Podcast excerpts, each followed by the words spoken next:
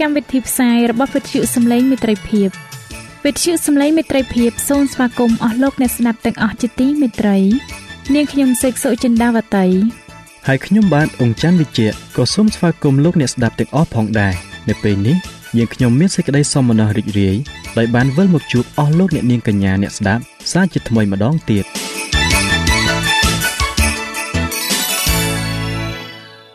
ចា៎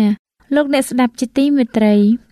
នាងខ្ញុំសូមគោរពអញ្ជើញអស់លោកលោកស្រីអ្នកនាងកញ្ញាតាមដានស្ដាប់កម្មវិធីផ្សាយរបស់វិទ្យុយើងខ្ញុំដូចតទៅ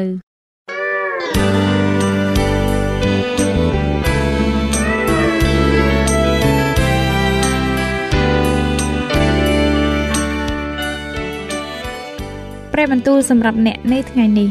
ព្រះគម្ពីររ៉ូមចំពុក8ខ26បានចែងថា ព្រះវិញ្ញាណទ្រង់ក៏ជួយសេចក្តីកំសោយរបស់យើងបែបដូចនេះដែរត្បិតយើងមិនដែលដឹងជាគូអធិដ្ឋានសូមអ្វីទេ តែព្រះវិញ្ញាណទ្រង់ជួយអង្វរជំនួសយើង ដោយដំណងដែលរកថ្លែងពុំបានវិញ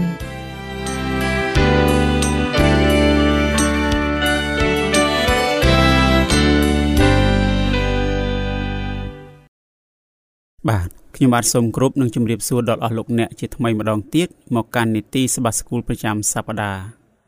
មេរៀនសម្រាប់សប្តាហ៍នេះមានចំណងជើងថា ព្រះយេស៊ូវគឺជាយុទ្ធការនៃព្រលឹងសម្រាប់លោកអ្នកដែលចង់បានមេរៀននេះប្រើប្រាស់នៅលើទូរស័ព្ទដៃ Android លោកអ្នកអាចទាញយកបានតាមរយៈ Play Store ដោយវាយពាក្យថាខ្មែរសបាស្គូលអស់លោកអ្នកជាទីមេត្រីមេរៀនសម្រាប់សប្តាហ៍នេះយើងនឹងក្រឡេកមើលនៅសំណួរនិងចំណុចមួយចំនួនដូចតទៅលោកអ្នកអាចប្រៀបធៀបជីវិតរបស់លោកយូហានជាមួយនឹងលោកយូដាស នៅពេលដែលព្រះយេស៊ូវបានឃើញលោកយូហាន និងបងប្អូនរបស់គាត់ព្រះយេស៊ូវបានហៅពួកគេយ៉ាងដូចនេះថាបូអានអឺកេសដែលមានន័យថាកូនផ្គរលាន់ឈ្មោះនេះបានបង្ហាញយើងថា លោកយូហានជាមនុស្សច្រឡោតតោតតងលោកយូណាស់ក៏មានកំហុសច្រើនណាស់ដែរប៉ុន្តែកំហុសរបស់គាត់មិនសូវអាក្រក់ដូចជាកំហុសរបស់លោកយូហាននោះទេបើដូច្នេះមែនតើហេតុអ្វីបានជាលោកយូហាន បានផ្លាស់ប្ដូរคล้ายមកដូចជាព្រះយេស៊ូវរីឯលោកយូដាសវិញហេតុអ្វីបានជាគាត់បែរទៅជាធ្វើបាបទាស់នឹងព្រះវិញ្ញាណបរិសុទ្ធទៅវិញតើហេតុអ្វីបានជាព្រះសូមឲ្យយើងប្រគល់ជីវិតរបស់យើងទាំងស្រុងឲ្យដល់ទ្រង់ក្នុងការគ្រប់គ្រងតើសេរីភាពរបស់យើងនឹងការដែលបានសង្គ្រោះនោះមានទំនាក់ទំនងអ្វីនឹងគ្នាអស់លោកអ្នកជាទីមេត្រីក្នុងព្រះគម្ពីរហេព្រើរចាប់តាំងពីជំពូក1ដល់ជំពូក4 លោកប៉ុលបានប្រកាសអំពីកិច្ចការដែលព្រះយេស៊ូវកំពុងតែធ្វើសម្រាប់យើងនៅឯស្ថានសួគ៌បន្ទាប់មកលោកប៉ុលបានបដូរប្រធានបទចាប់ពីព្រះគម្ពីរហេព្រើរជំពូក5និងជំពូក6នៅក្នុងជំពូកនេះលោកប៉ុលបានផ្ដល់នូវការដាស់តឿនយ៉ាងតឹងរឹងដល់អ្នកអានរបស់គាត់ពួកគេកំពុងតែស្ថិតនៅក្នុងគ្រោះថ្នាក់នៃការបាត់បង់សេចក្តីជំនឿលោកប៉ុលបានប្រាប់ពួកគេកុំឲ្យបែកចេញពីព្រះយេស៊ូវឡើយ លោកប៉ុលមានការព្រួយបារម្ភខ្លាចអ្នកអានរបស់គាត់បាត់បង់នៅសេចក្តីជំនឿដោយសារតែបញ្ហាទាំងអស់របស់ពួកគេ និងការសង្វេគខ្លួនរបស់ពួកគេនៅក្នុងសហគមន៍ពួកគេមិនត្រូវឈប់សម្លឹងមើលរឿងល្អៗទាំងអស់ដែលព្រះយេស៊ូវបានធ្វើសម្រាប់ពួកគេក្នុងអតីតកាលកន្លងមកឡើយបើមិនដូច្នោះទេសេចក្តីជំនឿនិងចំណេះដឹងរបស់ពួកគេអំពីព្រះយេស៊ូវនឹងមិនលូតលាស់ទៅមុខទៀតឡើយអរលោកអ្នកទាំងអស់គ្នា យើងទាំងអស់គ្នាកំពុងតែស្ថិតនៅក្នុងគ្រោះថ្នាក់នៃការបាត់បង់សេចក្តីជំនឿនៅពេលណាមួយតើមែនទេការដាស់តឿនរបស់លោកប៉ុលបានបញ្ចប់ជាមួយនឹងអាវ៉ាតនៃការលើកទឹកចិត្តដោយសេចក្តីស្រឡាញ់យ៉ាងកក់ក្ដៅលោកប៉ុលបានបង្ហាញដល់ពួកគេផងដែរអំពីព្រះយេស៊ូវជាព្រះអង្គសង្គ្រោះដែលព្រះបានសន្យាថានឹងចាត់ឲ្យមក ហើយសេចក្តីសន្យានេះមិនអាចបំបែកបានឡើយ ព្រះគម្ពីរហេព្រើរជំពូក6ខ9ដល់ខ20នៅក្នុងព្រះគម្ពីរហេព្រើរជំពូក10ខ26ដល់ខ39លោកប៉ុលបានផ្ដល់អាវ៉ាតនៃការដាស់តឿននិងការលើកទឹកចិត្តដ៏សំខាន់បំផុតដល់ពួកគេសប្តាហ៍នេះអស់លោកអ្នកទាំងអស់គ្នាយើងនឹងក្រឡេកមើលនៅបទគម្ពីរហេព្រើរជំពូក6និងជំពូក10រួមទាំងអាវ៉ាតនៃការលើកទឹកចិត្តទាំងនេះផងដែរអស់លោកអ្នកទាំងអស់គ្នាលោកប៉ុលបានមានប្រសាសន៍អំពីមនុស្សកាលពីមុន ដែលបានទទួលពន្លឺពន្លឺបង្ហាញយើងថា ពួកគេបានស្គាល់សេចក្តីពិតនៃព្រះគម្ពីរមនុស្សបានបែរចេញពីសាតាំងនិងសេចក្តីងងឹតរបស់វាទៅរកពន្លឺមកពីព្រះជាម្ចាស់ពន្លឺក៏បានបង្ហាញយើងថា ព្រះបានរំដោះយើងចេញពីអំពើបាប និងចេញពីសេចក្តីងងឹតផងដែរសេចក្តីងងឹតគឺជារូបស័ព្ទតំណាងឲ្យមនុស្សដែលមិនបានយល់តើលោកអ្នកបានសង្កេតឃើញកិរិយាសព្ទដែលសរសេរ បានទទួលពន្លឺនៅក្នុងព្រះគម្ពីរហេព្រើរជំពូក6ខ4ដែរឬទេកិរិយាសព្ទនេះបង្ហាញយើងថា ចំណេះដឹងរបស់យើងអំពីព្រះ មានប្រភពមកពីព្រះយេស៊ូវព្រះយេស៊ូវជារស្មីភ្លឺមកពីសេរីល្អនៃព្រះ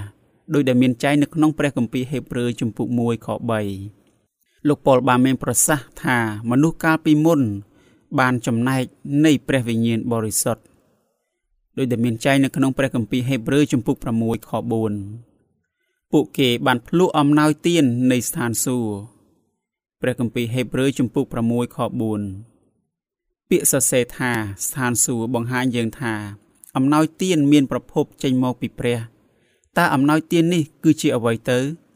មនុស្សដែលបានទទួលព្រះវិញ្ញាណបរិសុទ្ធបានភ្លុះអំណោយទាននៃព្រះគុណដោយតែមានចែងនៅក្នុងព្រះគម្ពីររ៉ូមជំពូក5ខ15 ព្រះគម្ពីរយូហានជំពូក7ខ36ដល់39និងព្រះគម្ពីរកូរិនថូសខ្សែទី1ជំពូក12ខ13ព្រះគុណនេះក៏បានប្រទានកម្លាំងឲ្យយើងរស់នៅដើម្បីព្រះផងដែរព្រះវិញ្ញាណរបស់ទ្រង់នឹងសន្ធិដ្ឋនៅក្នុងយើង ហើយនឹងគ្រប់គ្រងយើងអកប្បកិរិយារបស់យើងនឹងផ្លាស់ប្ដូរទៅ បន្ទាប់មក យើងនឹងបានជាបរិសុទ្ធ ព្រះគម្ពីរកាឡាទីជំពូក5ខ22និងខ23ពាក្យដែលសរសេរថា បានចំណែកនៃព្រះវិញ្ញាណបរិសុទ្ធដោយដែលបានចែងនៅក្នុងព្រះគម្ពីរហេព្រើរជំពូក6ខ5បានបង្ហាញយើងអំពីសេចក្តីពិតនៃព្រះគម្ពីរដទៃទៀតកាលណាព្រះវិញ្ញាណបរិសុទ្ធសន្ធិដ្ឋនៅក្នុងយើង យើងនឹងបានដឹងថាព្រះអម្ចាស់ទ្រង់ល្អមែនព្រះគម្ពីរពេត្រុសខ្សែទី1ចំពុក2ខ2និងខ3 រីឯព្រះគម្ពីរហេព្រើរចំពុក6ខ5ពាក្យដែលសរសេរថាពួកគេបានស្គាល់ឫទ្ធានុភាពទាំងឡាយនៃបរលោក បង្ហាញយើងអំពីការអស្ចារ្យនាពេលអនាគតដែលព្រះនឹងធ្វើព្រះនឹងដាស់យើងពីសេចក្តីស្លាប់ឡើងវិញទ្រង់នឹងផ្លាស់ប្ដូររូបកាយរបស់យើងដើម្បីឲ្យយើងអាចរស់នៅជារៀងរហូតឥឡូវនេះពួកគ្រីស្ទៀនប្រហែលជាបានរីករាយជាមួយនឹងរសជាតិដ៏តូចមួយនៃអំណោយទានទាំងនេះខ្លះហើយ តើដោយរបៀបណាទៅអស់លោកអ្នកទាំងអស់គ្នានោះគឺថាព្រះយេស៊ូវបានប្រទាននូវការគិតបែបថ្មីមួយដល់យើងព្រះគម្ពីររ៉ូមជំពូក12ខ2និងជីវិតថ្មីមួយនៅក្នុងទ្រង់ព្រះគម្ពីរកូឡូសជំពូក2ខ12និងខ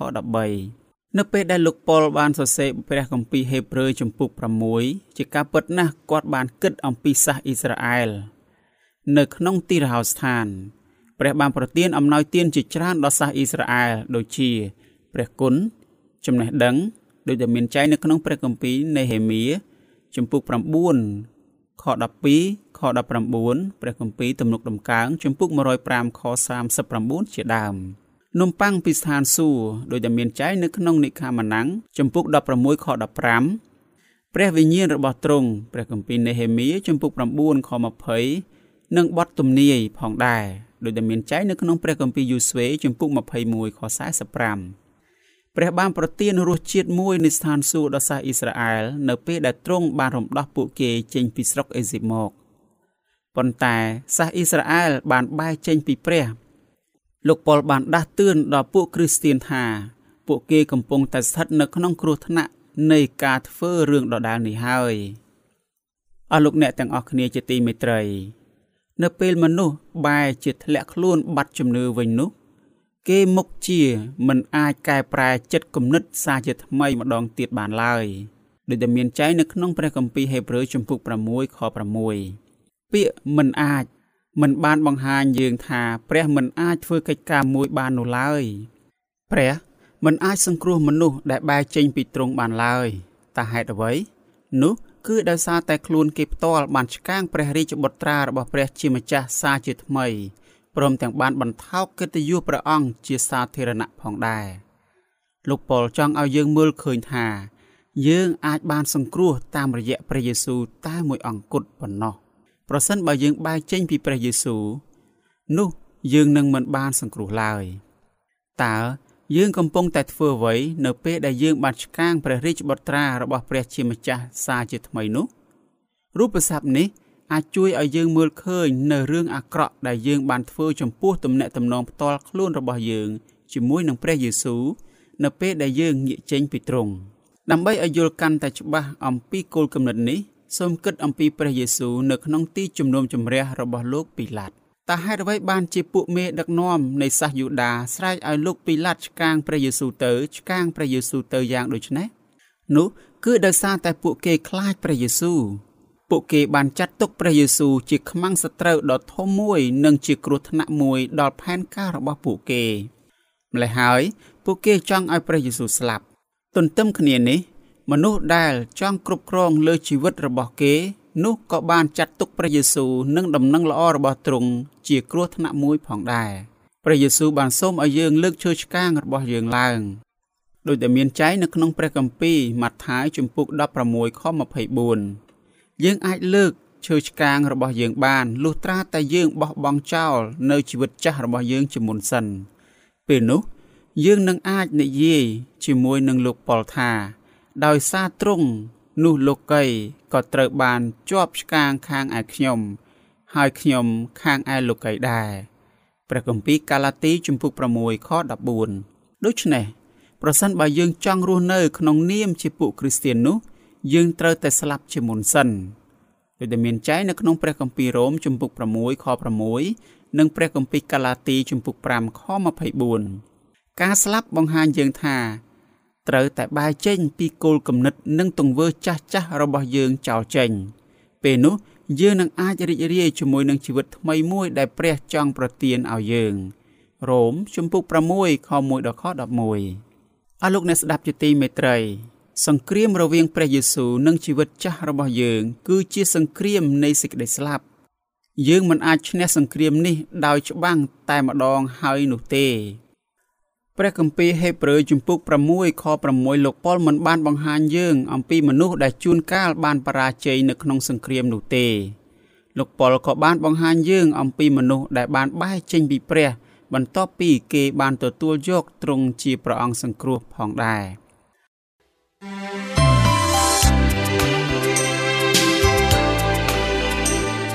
សេចក្តីជំនឿកើតឡើងដោយលឺហើយដែលលឺនោះគឺដោយសារព្រះបន្ទូលនៃព្រះ តាមរយៈវិទ្យុសំឡេងមិត្តភាព AWR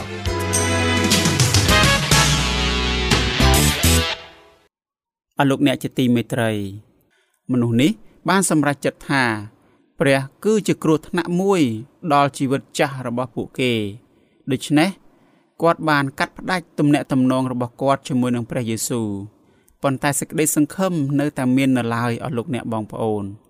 គាត់នៅតែអាចបានសង្គ្រោះ ឲ្យតែគាត់មិនទាន់បែកចេញពីព្រះយេស៊ូវទាំងស្រុង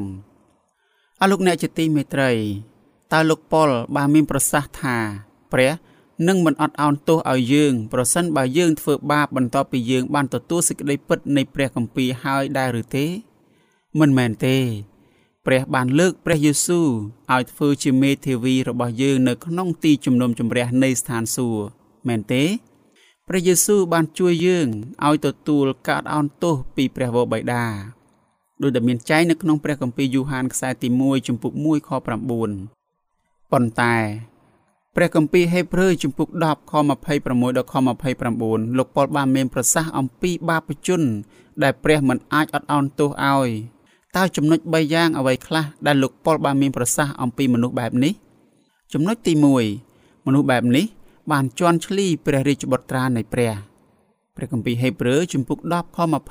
29រូបស័ព្ទដ៏អាក្រក់នេះបានបង្ហាញយើងអំពីមនុស្សដែលបដិសេធមិនព្រមឲ្យព្រះយេស៊ូវគ្រប់គ្រងលើជីវិតរបស់គេ នាមថាព្រះរាជបុត្រានៃព្រះ អាចជួយឲ្យយើងនឹកចាំថាព្រះបានបង្គាប់ឲ្យព្រះយេស៊ូវគង់នៅខាងស្ដាំទ្រង់បន្ទាប់មក ព្រះបានតាំងសេចក្តីសញ្ញាមួយជាមួយនឹងព្រះយេស៊ូវ ព្រះនឹងដាក់ខ្មាំងសត្រូវរបស់ព្រះយេស៊ូវទុកជាកំណល់ជើងកលព្រះបាទព្រះយេស៊ូវលោកអ្នកអាចអានបន្ថែមនៅក្នុងព្រះគម្ពីរហេព្រើរជំពូក1ខ13ជំពូក1ខ5ដល់ខ12និងខ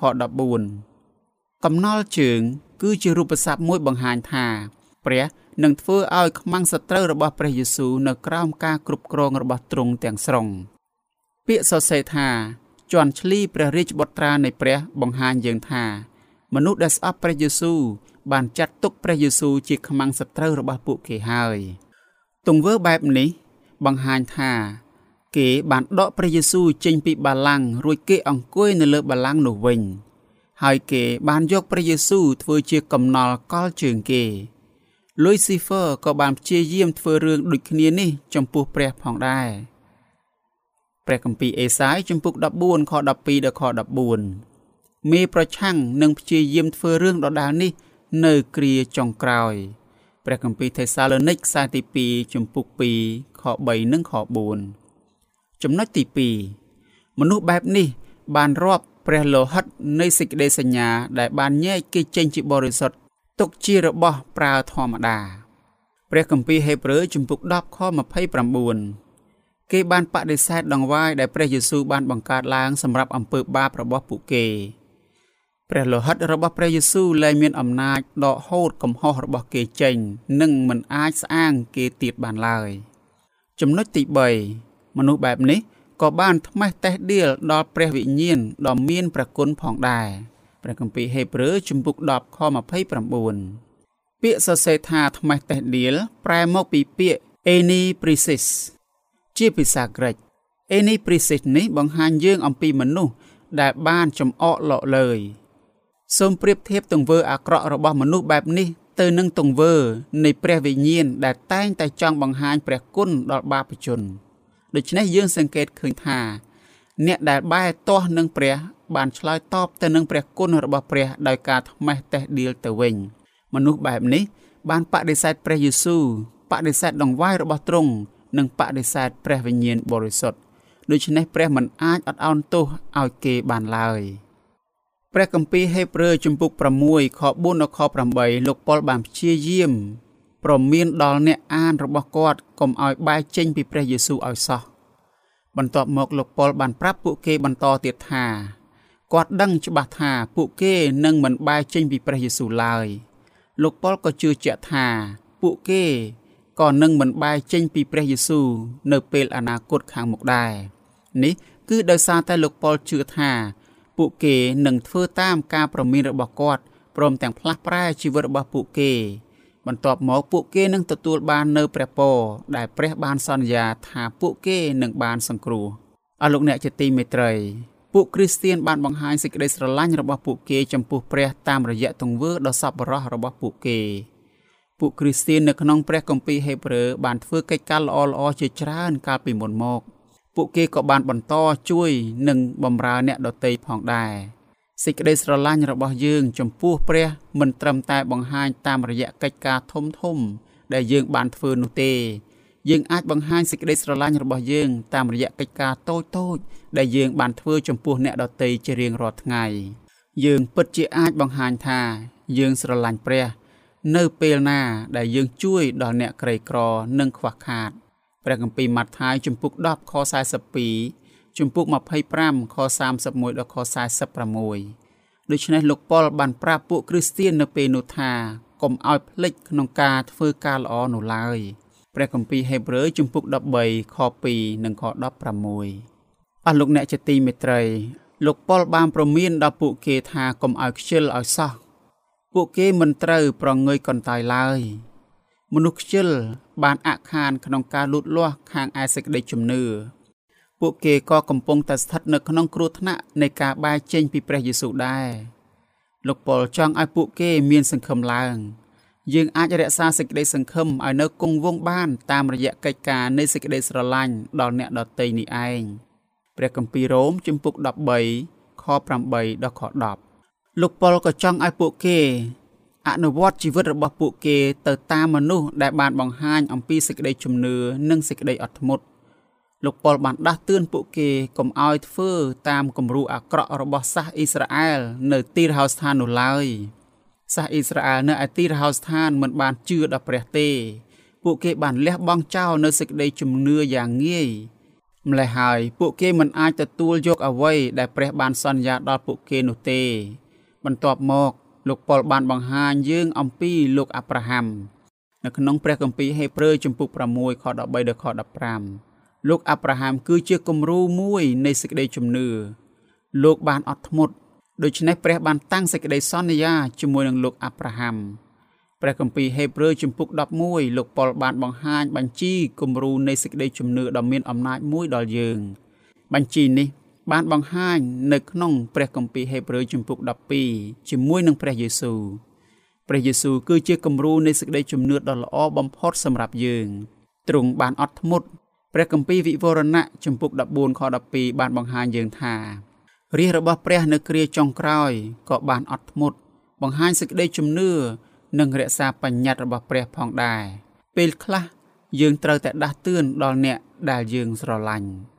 លោកប៉ុលបានបញ្ចប់ការដាស់តឿនរបស់គាត់ជាមួយនឹងការបកស្រាយអំពីសេចក្តីសង្ឃឹមដែលយើងមាននៅក្នុងព្រះយេស៊ូវក្នុងការសង្គ្រោះយើងព្រះចង់បង្ហាញតាមវិធីជាច្រើនដែលទ្រង់នឹងរក្សាសេចក្តីសន្យារបស់ទ្រង់ចំពោះយើង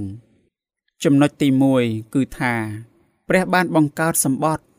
ដោយដែលមានចែងនៅក្នុងព្រះគម្ពីរហេព្រើរជំពូក6ខ17ព្រះក៏បានបង្កើតសម្បត្តិជាមួយនឹងលោកអាប់រ៉ាហាំនិងស្ដេចដាវីត សម្បត្តិទាំងនេះ បានបង្ហាញយើងថាព្រះនឹងបង្ហាញព្រះគុណរបស់ទ្រង់ដល់រាជរបស់ទ្រង់ជានិច្ចតើលោកអ្នកនៅចាំទេ នៅពេលណាដែលលោកម៉ូសេបានទូលសូមឲ្យព្រះអត់ឱនទោសដល់សាសអ៊ីស្រាអែលបន្ទាប់ពីពួកគេបានថ្វាយបង្គំគោមាសនោះលោកម៉ូសេបានសូមឲ្យព្រះនឹកចាំអំពីសម្បត្តិរបស់ទ្រង់ជាមួយនឹងលោកអាប់រ៉ាហាំនៅពេលនោះលោកអ្នកអាចអានបន្ថែមអំពី រឿងរ៉ាវទាំងអស់នេះនៅក្នុងព្រះគម្ពីរនិខាម៉ាណាងជំពូក32ខ11ដល់ខ14និងព្រះគម្ពីរលោកុបាទជំពូក22ខ16ដល់ខ18សេចក្តីសន្យាមកពីព្រះនេះ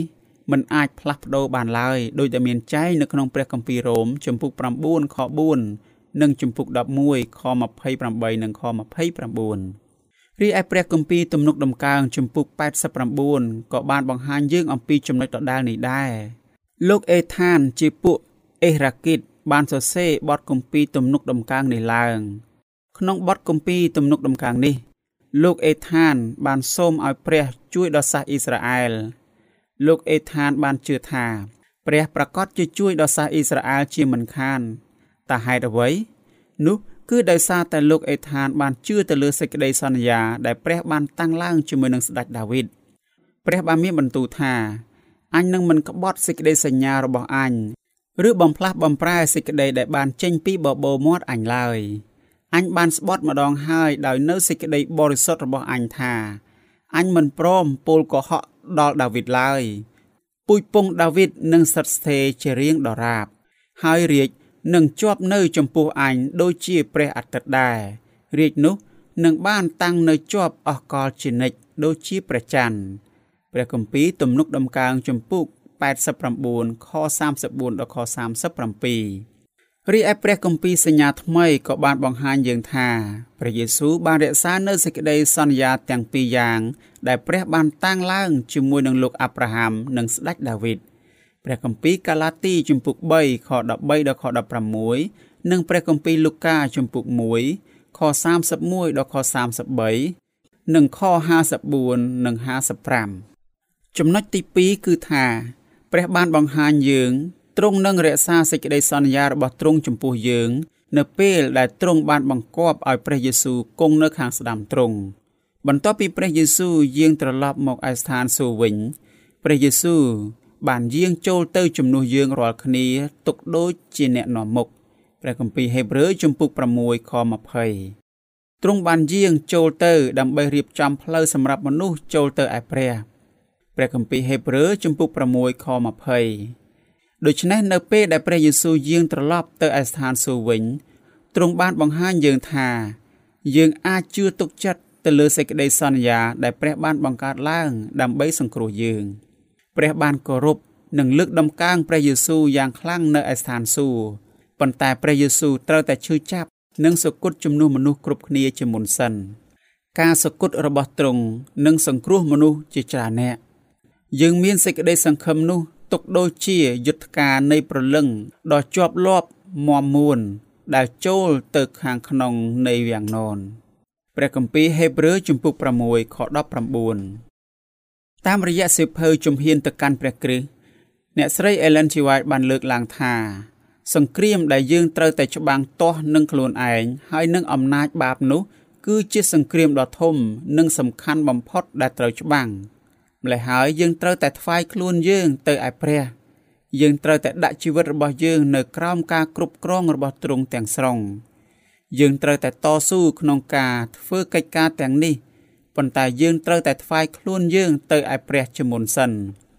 ពេលនោះទ្រង់នឹងអាចធ្វើឲ្យជីវិតរបស់យើង ថ្មីនិងបរិសុទ្ធឡើងវិញ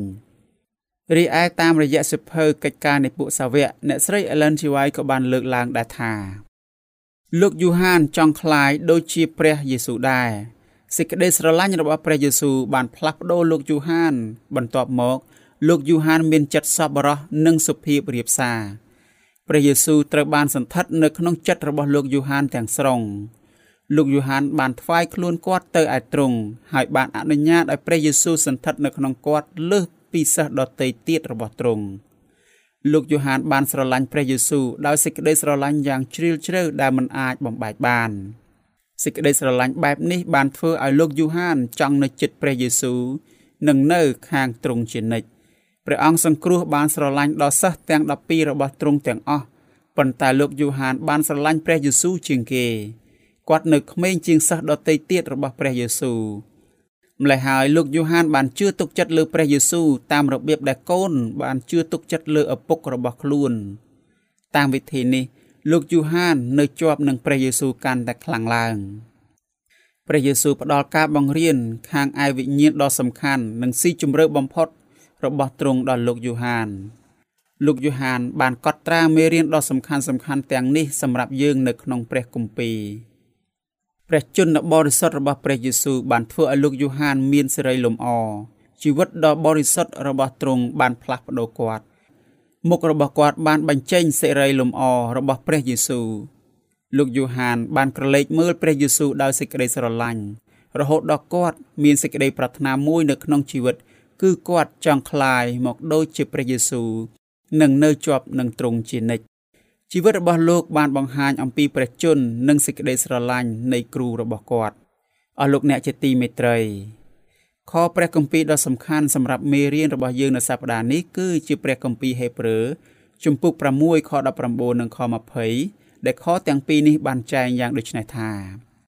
យើងត្រូវមានសេចក្តីសង្ឃឹមនោះទុកដូចជាយុទ្ធការនៃប្រលឹងដ៏ជាប់លាប់មមមួនដែលចូលទៅខាងក្នុងនៃវាំងនន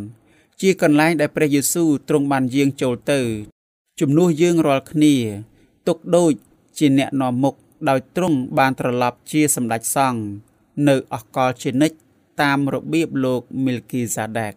បាទអស់លោកអ្នកទាំងអស់គ្នាសូមឲ្យអត្ថន័យនៃមេរៀនសម្រាប់សប្តាហ៍នេះ បានជាប្រពរ